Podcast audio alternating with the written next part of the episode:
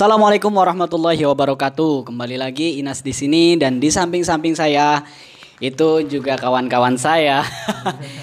mencari kawan lebih baik daripada mencari musuh ya kan? Nah, itu dia. Iya. Oh, untuk mengawali kita kenalan dulu boleh ya Mas ya? Boleh. Iya, boleh.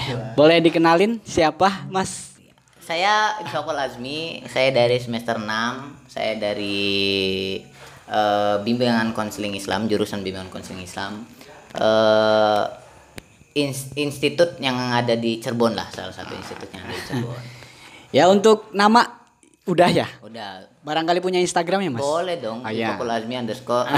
ya nanti ada di bawahnya. Oke, terima kasih dan yang satunya lagi, mangga, Mas. Siapa ini? Ini kayak kayak artis Hollywood gitu. Pakai kacamata hitam itu besar gitu ya. Hollywood apa Korea? Korea. Korea. Ya, boleh. Silakan. Eh, Oke, perkenalkan nama saya Samsul Ma'arif, ya biasa dipanggil Arif lah gampang Iya. gitu. Eh, saya dari salah satu institut di Cirebon juga. Heeh. Eh, lebih spesifiknya itu dalam jurusan tadi bahasa Inggris. Oh, bahasa Inggris. Lebih ke bahasanya orang planet. bahasanya orang planet. Tapi bahasa Inggris itu bahasa yang mendunia itu ya. Iya, sampai Iya. saya nggak tahu. Iya mendunia. Jadi ini Mas Arif dan yang satunya itu Mas Asmi. Nanti Instagram Instagram. Iya nanti kita kasih di bawah Instagramnya. Sekalian promote gitu ya.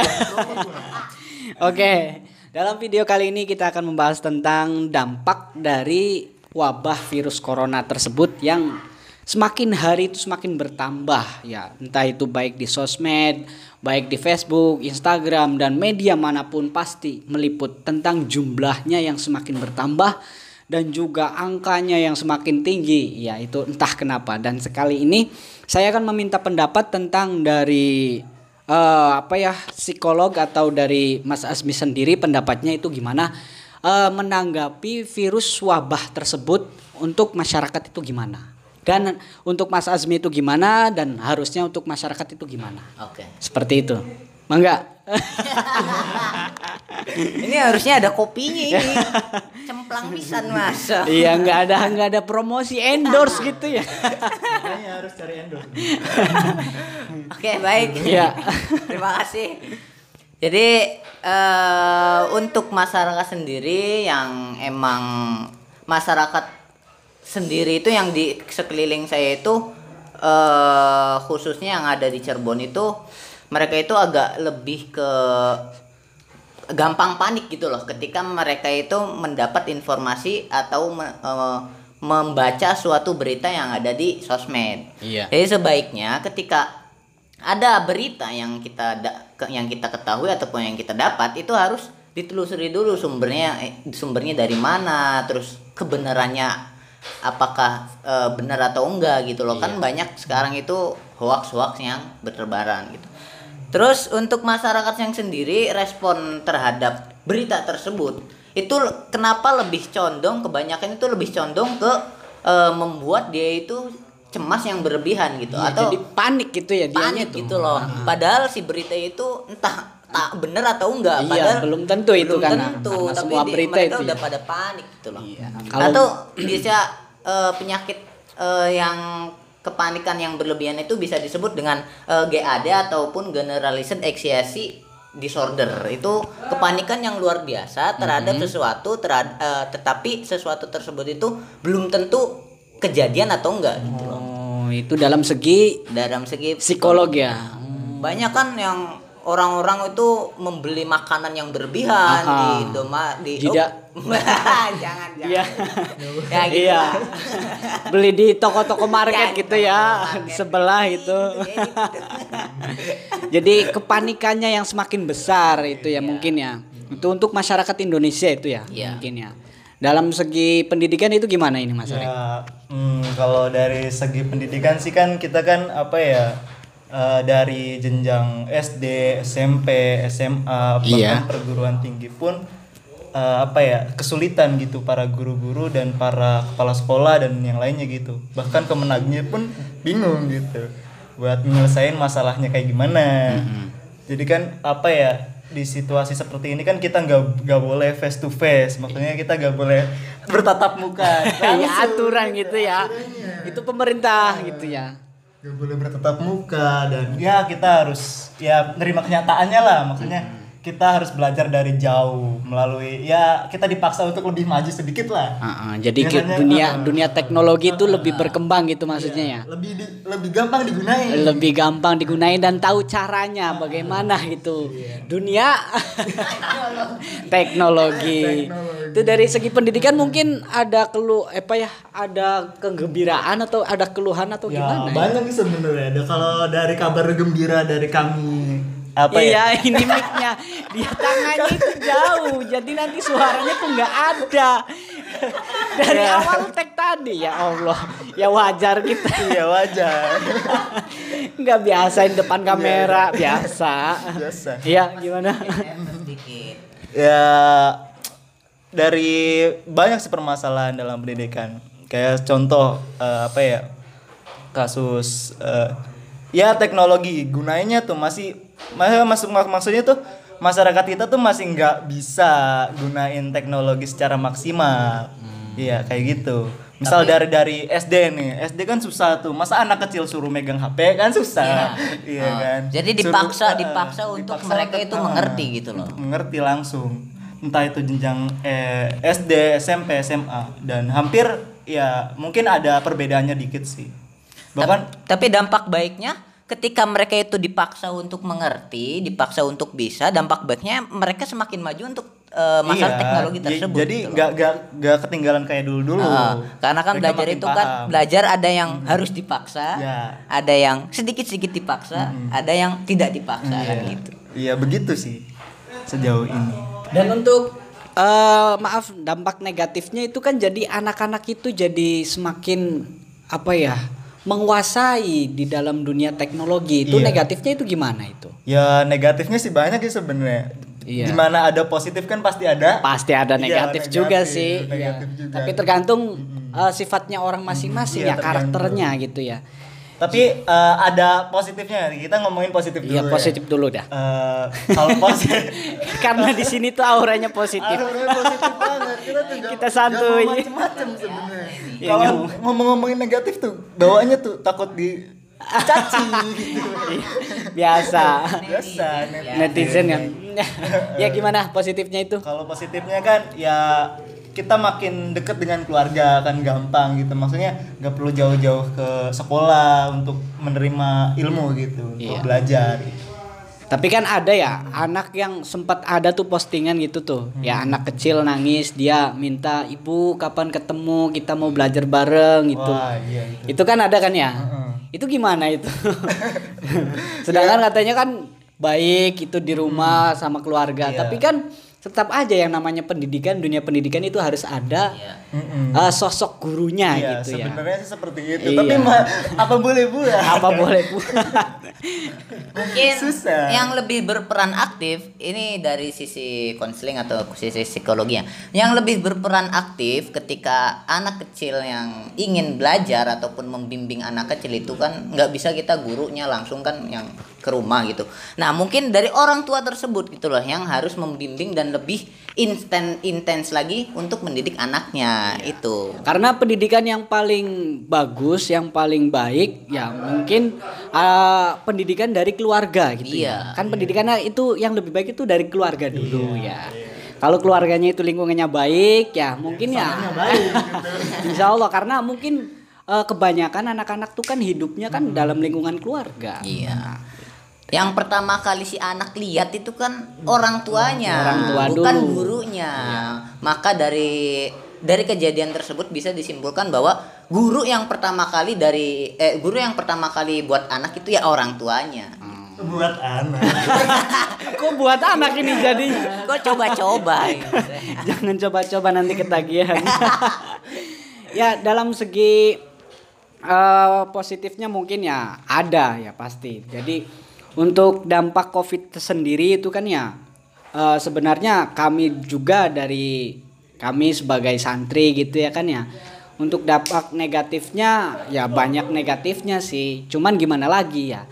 Ya kan ya biasalah kita hidup di lingkungan pesantren gitu kan tidak mengenal karena di lingkungan pesantren juga itu tidak ada yang namanya teknologi-teknologi yang canggih gitu kan. Sedangkan masalah sosmed itu kan ditajir itu kan dilarang. Iya. Di aturan pondok kan dilarang. Jadi eh, tidak begitu tahu tentang masalah Covid untuk para santri-santri atau mungkin ya mungkin ada yang tahu cuma kan sedikit notabene itu kan sedikit tapi yang besar itu untuk masyarakat umum masyarakat awam Iya. karena pendidikannya itu emang di luar kalau santri hanya lingkup pesantren saja jadi seperti itu kalau saya jadi kurangnya ya banyak banyak kurang Banyak, informasi. Banyak banget. Informasi. Karena kita ketinggalan gitu ya ting- Iya. ketinggalan berita gitu. Tapi mungkin kalau sekarang karena mungkin masih libur gitu ya ya mungkin barangkali ada anak santri. Yang mungkin kebanyakan anak santri itu ya nggak mikirin sih yang namanya itu. Karena emang eh, wabah ini tuh ya gimana sih ya? Kata ya banyak banyak persepsi bahwa ini bahwa covid itu ada yang menganggap ini konspirasi hanya cuma sekedar el apa ya per- apa? Permainan elit global. elit global gitu kan ya. Tapi emang nyata sih ada gitu ya. Itu gimana? Barangkali ada tambahan gimana? Ya untuk untuk dari sosialnya sendiri itu bisa juga si penyakit kecemasan yang berlebihan itu bisa juga menyambar ke sesu- menyambar bahasanya. Me- ya me- menyerang lah menyerang ke eh, lingkungan sosialnya gitu loh. Karena ketika si orang itu sudah stres di rumah dia itu nggak bisa keluar ke mana-mana itu kan pasti ada rasanya ada rasa jenuh ataupun rasa bosan ketika ketika orang itu di rumah terus. Nah, nah itu bisa bisa mengakibatkan si orang itu lebih eh, gampang stres gitu loh. Karena yang dia tahu itu ya mereka mereka aja dia dia aja ya orang-orang yang em- emang notabene hidup di rumah tersebut gitu loh. Kurang bersosial sosial bersosialisasi. Walaupun kita ada video call ada WhatsApp t- WhatsApp. Tetapi kan beda ketika kita beda bertemu rasanya langsung ber- kita bertemu langsung dengan kita berobrol di media itu kan beda. Pasti ada bedanya. Pasti jelas. Gimana dari segi pendidikan Oh, Ya sebenarnya sih banyak yang diomongin dari segi pendidikan. Maksudnya apa ya?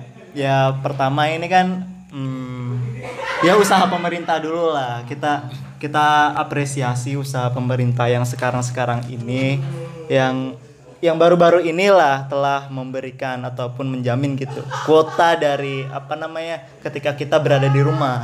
Kita dijamin kuotanya. Jadi buat ke depannya belajar itu kita nggak perlu musingin kuota. Jadi nggak perlu apa ya eh, kita harus ngabisin kuota banyak tapi kita tetap bayar di sekolahannya. Apa gunanya kan misal kayak gitu tuh. Kalau kita kita sekolah udah bayar tapi kita tidak bertatap muka itu kan gimana rasanya? Nggak enak Ya, kan? pasti, pasti udah bayar bayar masa? Bayaran ketemu, tetap ya, gitu bayar ya iya. kuota. Malah kita harus iya. Jadi untuk eh, nih gimana nih? Pandangannya ketika sampai apa ya anda anda itu sudah merasakan titik jenuh ketika anda itu sudah bosan di rumah. Wah iya iya ini. Bagus nih.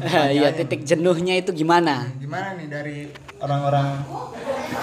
Konseling Ya, dari, dari sekio apa psikolog dulu gimana itu tuh? mempelajari kegilaan seseorang. Pelajaran kegilaan seorang psikolog ya. jadi kalau untuk saya sendiri untuk mengobati rasa jenuh itu bisa main game ataupun sesekali melakukan olahraga-olahraga kecil yang eh, bisa dilakukan di rumah. Kayak misalkan ketika kita itu push up, sit up itu kan eh, dari olahraga tersebut itu bisa mengobati rasa stres Iya, dan mengurangi rasa kejenuhan ketika kita di rumah. Atau bisa saja kita itu eh, membuat karya-karya yang bisa dilakukan di rumah contoh kayak di sini nih. Seperti ini gitu ya. Ini luar Kita biasa buat konten ini. gitu. Biar stay di rumah gitu kan tapi nggak nganggur nggak ngebosenin tentunya. Nah, gitu. Ini ngobrol santai tapi bermanfaat nggak tuh ada manfaatnya nggak? ya barangkali gitu ada yang mau barangkali ya barangkali itu batu Dan untuk segi pendidikan itu gimana? Ketika ada seorang ya, tak, seorang tersebut itu sudah mengalami kejenuhan ketika Iya. sudah di rumah saja. Mungkin kan sekarang wabah itu sudah beberapa bulan ya ke belakang itu ya sampai sekarang dan Iya. belum tentu itu nggak tahu kapan habisnya dan kapan selesainya. Iya. Tapi langkah-langkah pemerintah untuk menyetop atau memberhentikan wabah tersebut pasti sudah iya, ada. pastilah. Iya, itu gimana itu? Ya kalau dari segi pendidikan sebenarnya kurang kurang lebih jauh kayak model psikologi ini. Iya. Dia kan ngambilnya secara general juga, secara umum juga. Ya kalau dari pendidikan ya sama hampir. Misalnya kita harus eh, rajin-rajin berolahraga, kita harus apa namanya? eh, Mungkin lebih aktif itu Iya. aktif gitu ya. Jadi biar nggak ada titik biar jenuhnya gitu ada ya. titik Jenuh. Mungkin ada lagi atau gimana?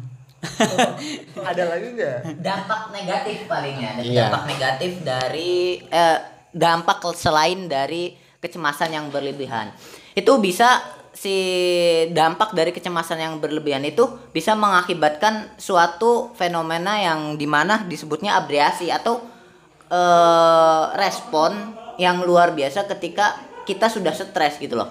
Jadi kita itu ketika stres kita Iya. terhadap eh, kita mendapat penekanan dari lingkungan. Iya. Nah itu tuh eh, dampak dari kitanya itu bisa misalkan jerit-jerit sendiri gitu Hmm, itu untuk ngilanginnya apa gitu? eh, enggak efek dari Efek- efek si dari- stres Oh. dari kecemasan tersebut. Nah itu namanya eh, abriasi.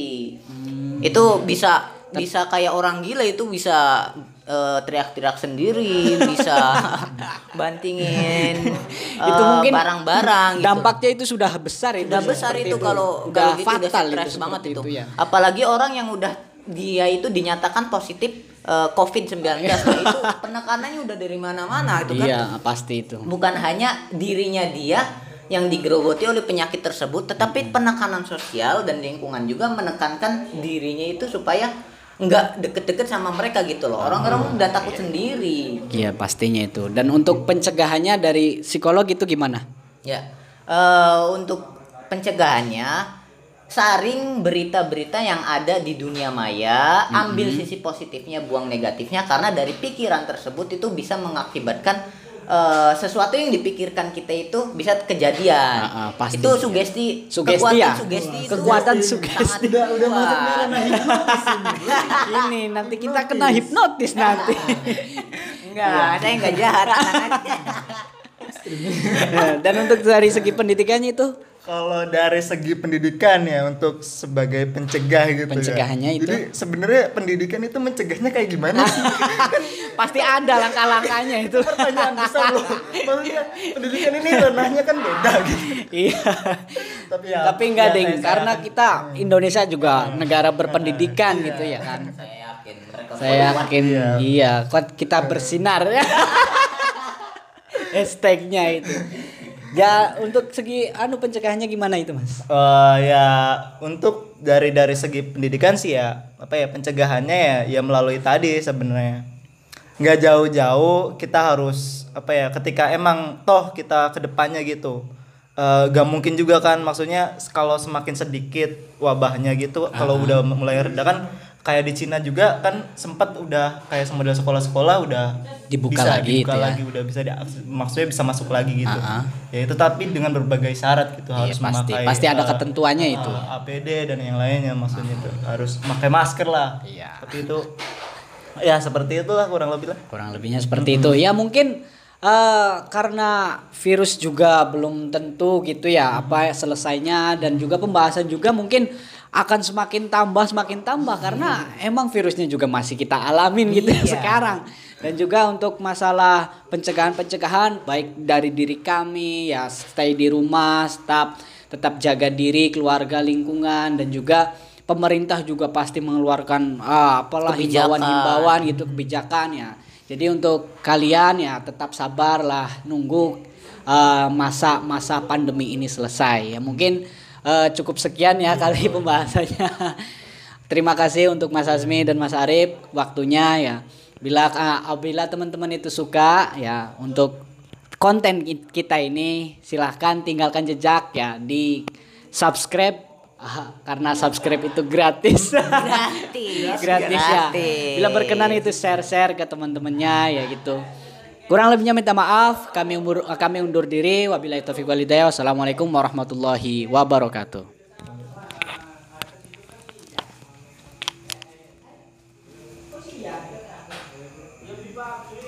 Ya agak susah sih mau kan.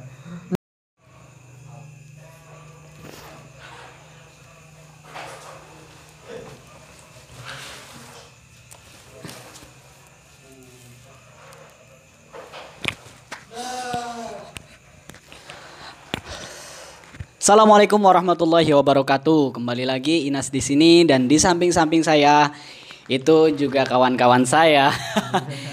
mencari kawan lebih baik daripada mencari musuh ya kan? Nah, itu dia. Iya. Oh, untuk mengawali kita kenalan dulu boleh ya Mas ya? Boleh. Iya, boleh. Boleh dikenalin siapa Mas? Saya Insokol Azmi, saya dari semester 6, saya dari eh, bimbingan konseling Islam, jurusan bimbingan konseling Islam. eh ins- institut yang ada di Cirebon lah, salah satu institut yang ada di Cirebon. Ya untuk nama udah ya. Udah, Barangkali punya Instagram ya Mas? boleh dong. Oh. Insokol Azmi underscore. ya nanti ada di bawahnya. Oke, terima kasih dan yang satunya lagi, mangga, Mas. Siapa Ah, ini? Ini kayak kayak artis Hollywood gitu. Pakai kacamata hitam itu besar gitu ya. Hollywood apa Korea? Korea. Les. Korea. Ya, boleh. Silakan. Eh, Oke, perkenalkan nama saya Samsul Ma'arif, ya biasa dipanggil Arif lah gampang Iya. gitu. Eh, saya dari salah satu institut di Cirebon juga. Heeh. Eh, lebih spesifiknya itu dalam jurusan tadi bahasa Inggris. Oh, bahasa Inggris. Lebih ke bahasanya orang planet. bahasanya orang planet. Tapi bahasa Inggris itu bahasa yang mendunia itu ya. Iya, sampai Iya. nggak tahu. Iya mendunia. Jadi ini Mas Arif dan yang satunya itu Mas Asmi. Nanti Instagram Instagram. Iya nanti kita kasih di bawah Instagramnya. Sekalian promote gitu ya. Oke, dalam video kali ini kita akan membahas tentang dampak dari wabah virus corona tersebut yang semakin hari itu semakin bertambah ya. Entah itu baik di sosmed baik di Facebook, Instagram dan media mana pun pasti meliput tentang jumlahnya yang semakin bertambah dan juga angkanya yang semakin tinggi ya. Itu entah kenapa. Dan sekali ini saya akan meminta pendapat tentang dari eh, apa ya psikolog atau dari Mas Asmi sendiri pendapatnya itu gimana eh, menanggapi virus wabah tersebut untuk masyarakat itu gimana dan untuk Mas Azmi itu gimana dan harusnya untuk masyarakat itu gimana Oke. seperti itu mangga Ini harusnya ada kopinya ini. Cemplang pisan, Mas. iya nggak ada nggak ada promosi endorse gitu ya Kayaknya harus cari endorse. Oke, baik. Iya. Terima kasih. Jadi eh, untuk masyarakat sendiri yang emang masyarakat sendiri itu yang di sekeliling saya itu eh khususnya yang ada di Cirebon itu mereka itu agak lebih ke gampang panik gitu loh ketika mereka itu mendapat informasi atau me- eh, membaca suatu berita yang ada di sosmed. Iya. Jadi sebaiknya ketika ada berita yang kita da- yang kita ketahui ataupun yang kita dapat itu harus ditelusuri dulu sumbernya eh, sumbernya dari mana terus kebenarannya apakah eh, benar atau enggak gitu loh. Kan banyak sekarang itu hoax hoax yang berterbaran gitu. Terus untuk masyarakat yang sendiri respon terhadap berita tersebut itu kenapa lebih condong kebanyakan itu lebih condong ke eh, membuat dia itu cemas yang berlebihan gitu Iya, atau jadi panik gitu ya dianya panik tuh gitu loh. Padahal si berita itu entah tak bener atau enggak. Iya, Padahal belum tentu itu belum karena- tentu, karena tapi semua berita mereka itu udah ya. pada panik gitu loh. Iya, kalau- Atau bisa eh, penyakit eh, yang kepanikan yang berlebihan itu bisa disebut dengan eh, GAD ataupun generalized anxiety disorder itu kepanikan yang luar biasa terhadap sesuatu terhad- eh, tetapi sesuatu tersebut itu belum tentu kejadian atau enggak gitu loh. Oh itu dalam segi dalam segi psikolog ya banyak kan yang orang-orang itu membeli makanan yang berlebihan Aha. di Indomaret di Tidak. Oh, jangan jangan Iya. ya gitu iya beli di toko-toko market Ya, gitu ya market. sebelah itu Kayak gitu. jadi kepanikannya yang semakin besar itu ya mungkin ya Itu untuk masyarakat Indonesia itu ya, Iya. mungkin ya. Dalam segi pendidikan itu gimana ini Mas Arek? Ya, hmm, kalau dari segi pendidikan sih kan kita kan apa ya eh, dari jenjang SD, SMP, SMA, bahkan Iya. perguruan tinggi pun eh, apa ya kesulitan gitu para guru-guru dan para kepala sekolah dan yang lainnya gitu. Bahkan kemenagnya pun bingung gitu buat menyelesaikan masalahnya kayak gimana. Jadi kan apa ya di situasi seperti ini kan kita nggak nggak boleh face to face, maksudnya kita nggak boleh bertatap muka. ya aturan gitu ya. Itu pemerintah gitu ya. Gak boleh bertatap muka dan ya kita harus ya nerima kenyataannya lah maksudnya kita harus belajar dari jauh melalui ya kita dipaksa untuk lebih maju sedikit lah Heeh, jadi ke- Biasanya, dunia uh, dunia teknologi itu lebih berkembang gitu maksudnya ya. lebih di- lebih gampang digunain Lebih gampang digunain dan tahu caranya bagaimana gitu. Dunia teknologi. Itu dari segi pendidikan mungkin ada kelu apa ya? Ada kegembiraan atau ada keluhan atau ya gimana? ya? banyak sih sebenarnya kalau dari kabar gembira dari kami apa ya? iya, ini mic-nya. Dia tangannya itu jauh, jadi nanti suaranya tuh nggak ada. Dari Ya. awal tag tadi ya Allah, ya wajar kita. Iya wajar. Nggak biasain depan kamera biasa. biasa. Iya gimana? sedikit. Ya dari banyak sih permasalahan dalam pendidikan. Kayak contoh eh, apa ya kasus eh, ya teknologi. Gunanya tuh masih masih masuk mak- maksudnya tuh masyarakat kita tuh masih nggak bisa gunain teknologi secara maksimal. Iya kayak gitu. Misal dari dari SD nih. SD kan susah tuh. Masa anak kecil suruh megang HP kan susah. Iya. Oh, kan? Jadi Suruh- dipaksa eh, dipaksa untuk dipaksa mereka itu ah, mengerti gitu loh. mengerti langsung. Entah itu jenjang eh, SD SMP SMA dan hampir ya mungkin ada perbedaannya dikit sih. Bahkan Ta- tapi dampak baiknya ketika mereka itu dipaksa untuk mengerti, dipaksa untuk bisa, dampak baiknya mereka semakin maju untuk eh, masalah iya, teknologi tersebut. jadi gitu nggak nggak nggak ketinggalan kayak dulu dulu Ah, karena kan belajar itu kan belajar ada yang harus dipaksa, Ya. ada yang sedikit-sedikit dipaksa, ada yang tidak dipaksa kan gitu. iya begitu sih sejauh ini Dan untuk eh, maaf dampak negatifnya itu kan jadi anak-anak itu jadi semakin apa ya menguasai di dalam dunia teknologi itu Iya. negatifnya itu gimana itu? ya negatifnya sih banyak sih sebenarnya Iya. di mana ada positif kan pasti ada Pasti ada Iya, negatif, juga negatif, sih. negatif Iya. juga. Tapi tergantung eh, sifatnya orang masing-masing Iya, ya karakternya gitu ya. Tapi eh, ada positifnya kita ngomongin positif dulu Iya ya. positif dulu dah. Eh, kalau positif Karena di sini tuh auranya positif. Auranya positif banget. Kita tuh Kita santuy. macem-macem sebenarnya. Iya, Kalau nggak ngomong-ngomongin negatif tuh, bawaannya tuh takut di caci gitu. Biasa. Biasa Netizen kan. ya gimana positifnya itu? Kalau positifnya kan ya kita makin deket dengan keluarga kan gampang gitu. Maksudnya nggak perlu jauh-jauh ke sekolah untuk menerima ilmu gitu, Iya. untuk belajar. Tapi kan ada ya anak yang sempat ada tuh postingan gitu tuh. Ya Hmm. anak kecil nangis dia minta ibu kapan ketemu kita mau belajar bareng gitu. Wah, iya itu. Itu kan ada kan ya? Heeh. Itu gimana itu? Sedangkan katanya kan baik itu di rumah sama keluarga. Iya. Tapi kan tetap aja yang namanya pendidikan, dunia pendidikan itu harus ada Mm-mm. eh, sosok gurunya Iya, gitu ya. sebenarnya sih seperti itu. Iya. Tapi ma- apa boleh buat? Apa boleh buat? Mungkin Susah. yang lebih berperan aktif ini dari sisi konseling atau sisi psikologi ya. Yang lebih berperan aktif ketika anak kecil yang ingin belajar ataupun membimbing anak kecil itu kan nggak bisa kita gurunya langsung kan yang ke rumah gitu. Nah mungkin dari orang tua tersebut gitu loh yang harus membimbing dan lebih instan intens lagi untuk mendidik anaknya itu. Karena pendidikan yang paling bagus, yang paling baik, ya mungkin uh, pendidikan dari keluarga gitu ya. Iya. Kan pendidikannya itu yang lebih baik itu dari keluarga dulu ya. Kalau keluarganya itu lingkungannya baik, ya mungkin ya. Insya Allah karena mungkin uh, kebanyakan anak-anak tuh kan hidupnya kan dalam lingkungan keluarga. Iya. Yang pertama kali si anak lihat itu kan orang tuanya, Orang tua bukan dulu. gurunya. Maka dari dari kejadian tersebut bisa disimpulkan bahwa guru yang pertama kali dari eh guru yang pertama kali buat anak itu ya orang tuanya.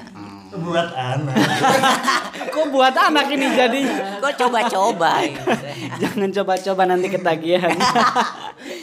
ya dalam segi eh, positifnya mungkin ya ada ya pasti. Jadi untuk dampak COVID sendiri itu kan ya eh, sebenarnya kami juga dari kami sebagai santri gitu ya kan ya.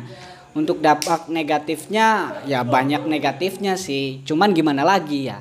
Ya kan ya biasalah kita hidup di lingkungan pesantren gitu kan tidak mengenal karena di lingkungan pesantren juga itu tidak ada yang namanya teknologi-teknologi yang canggih gitu kan. Sedangkan masalah sosmed itu kan ditajir itu kan dilarang. Iya. Di aturan pondok kan dilarang. Jadi eh, tidak begitu tahu tentang masalah Covid untuk para santri-santri atau mungkin ya mungkin ada yang tahu cuma kan sedikit notabene itu kan sedikit tapi yang besar itu untuk masyarakat umum masyarakat awam Iya. karena pendidikannya itu emang di luar kalau santri hanya lingkup pesantren saja jadi seperti itu kalau saya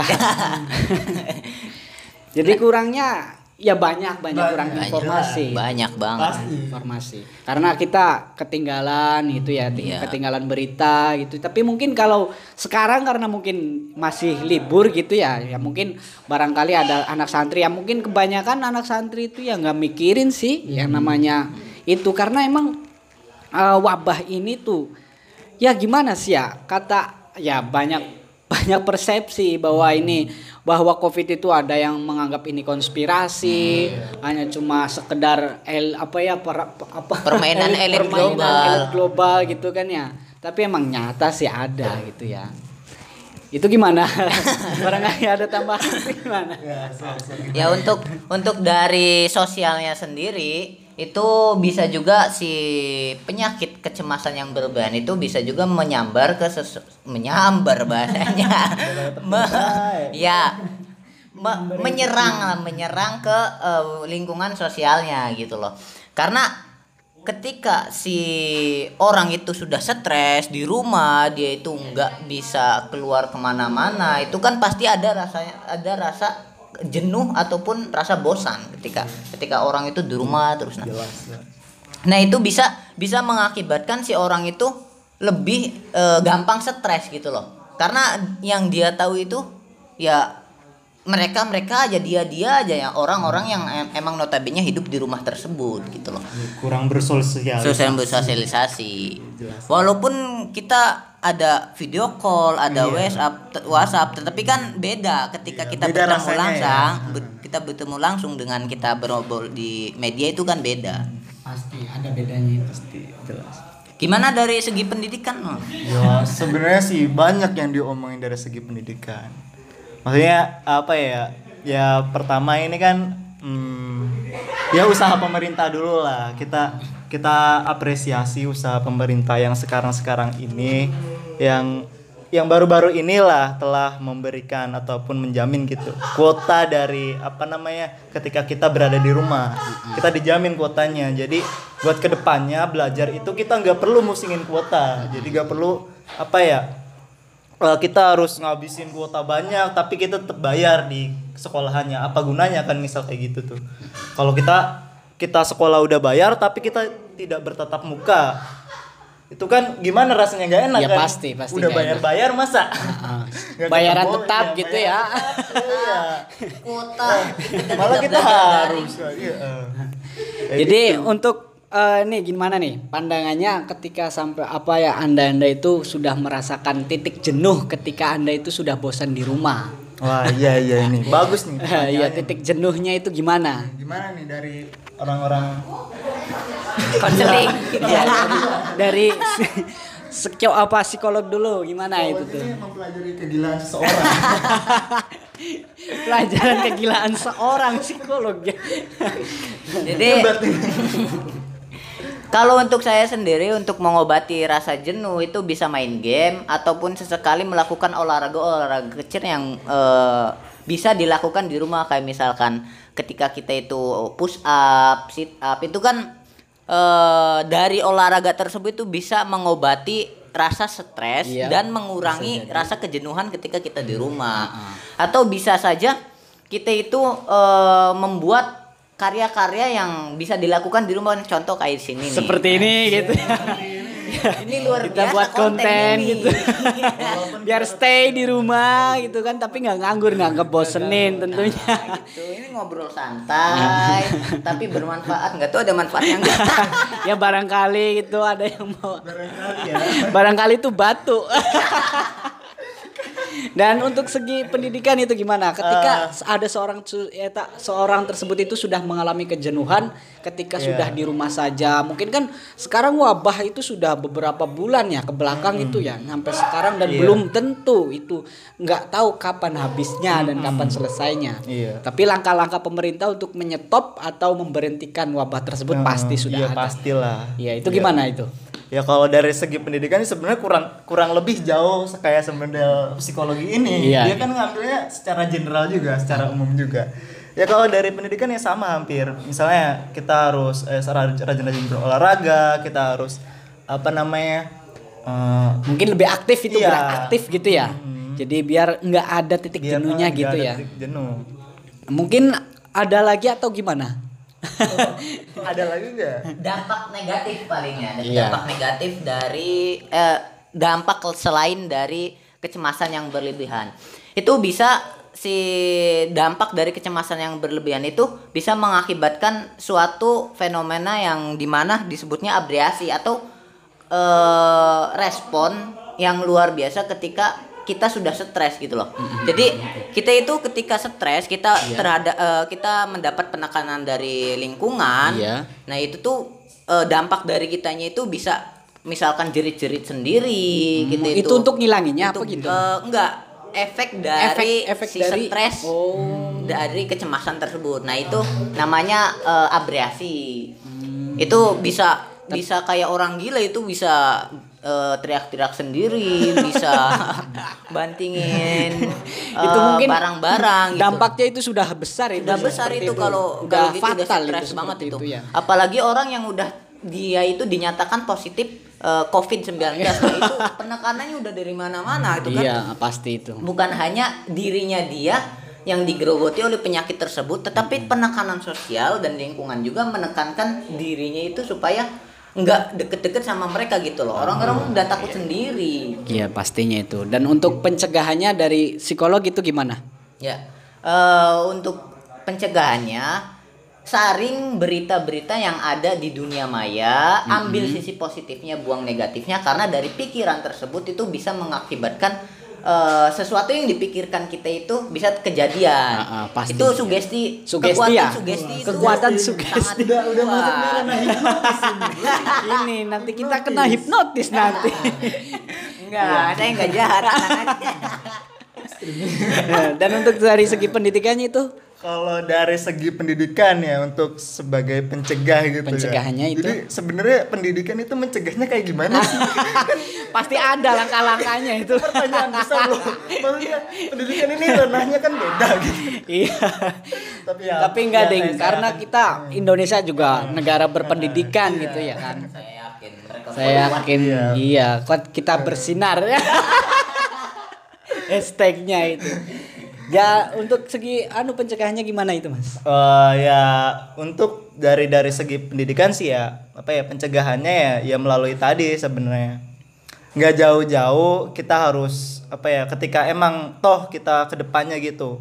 Eh, gak mungkin juga kan maksudnya kalau semakin sedikit wabahnya gitu kalau udah mulai reda kan kayak di Cina juga kan sempat udah kayak model sekolah-sekolah udah Dibuka bisa lagi dibuka itu ya. lagi udah bisa diakses maksudnya bisa masuk lagi gitu Ah, ah. ya itu tapi dengan berbagai syarat gitu Iya, harus pasti. memakai Pasti ada eh, ketentuannya itu. eh, APD dan yang lainnya maksudnya itu harus pakai masker lah Iya. tapi itu ya seperti itulah kurang lebih lah Kurang lebihnya seperti itu. Ya mungkin eh, karena virus juga belum tentu gitu ya apa selesainya dan juga pembahasan juga mungkin akan semakin tambah semakin tambah karena emang virusnya juga masih kita alamin gitu ya Iya. sekarang. Dan juga untuk masalah pencegahan-pencegahan baik dari diri kami ya stay di rumah, tetap tetap jaga diri, keluarga, lingkungan dan juga pemerintah juga pasti mengeluarkan ah, apalah himbauan-himbauan gitu kebijakan ya. Jadi untuk kalian ya tetap sabarlah nunggu uh, masa-masa pandemi ini selesai. Ya mungkin Eh, cukup sekian ya kali pembahasannya. Terima kasih untuk Mas Azmi dan Mas Arif waktunya ya. Bila apabila teman-teman itu suka ya untuk konten ki- kita ini silahkan tinggalkan jejak ya di subscribe ah, karena subscribe itu gratis. Gratis. gratis ya. Gratis. Bila berkenan itu share-share ke teman-temannya ya gitu. Kurang lebihnya minta maaf. Kami umur, kami undur diri. Wabillahi taufiq walhidayah. Wassalamualaikum warahmatullahi wabarakatuh.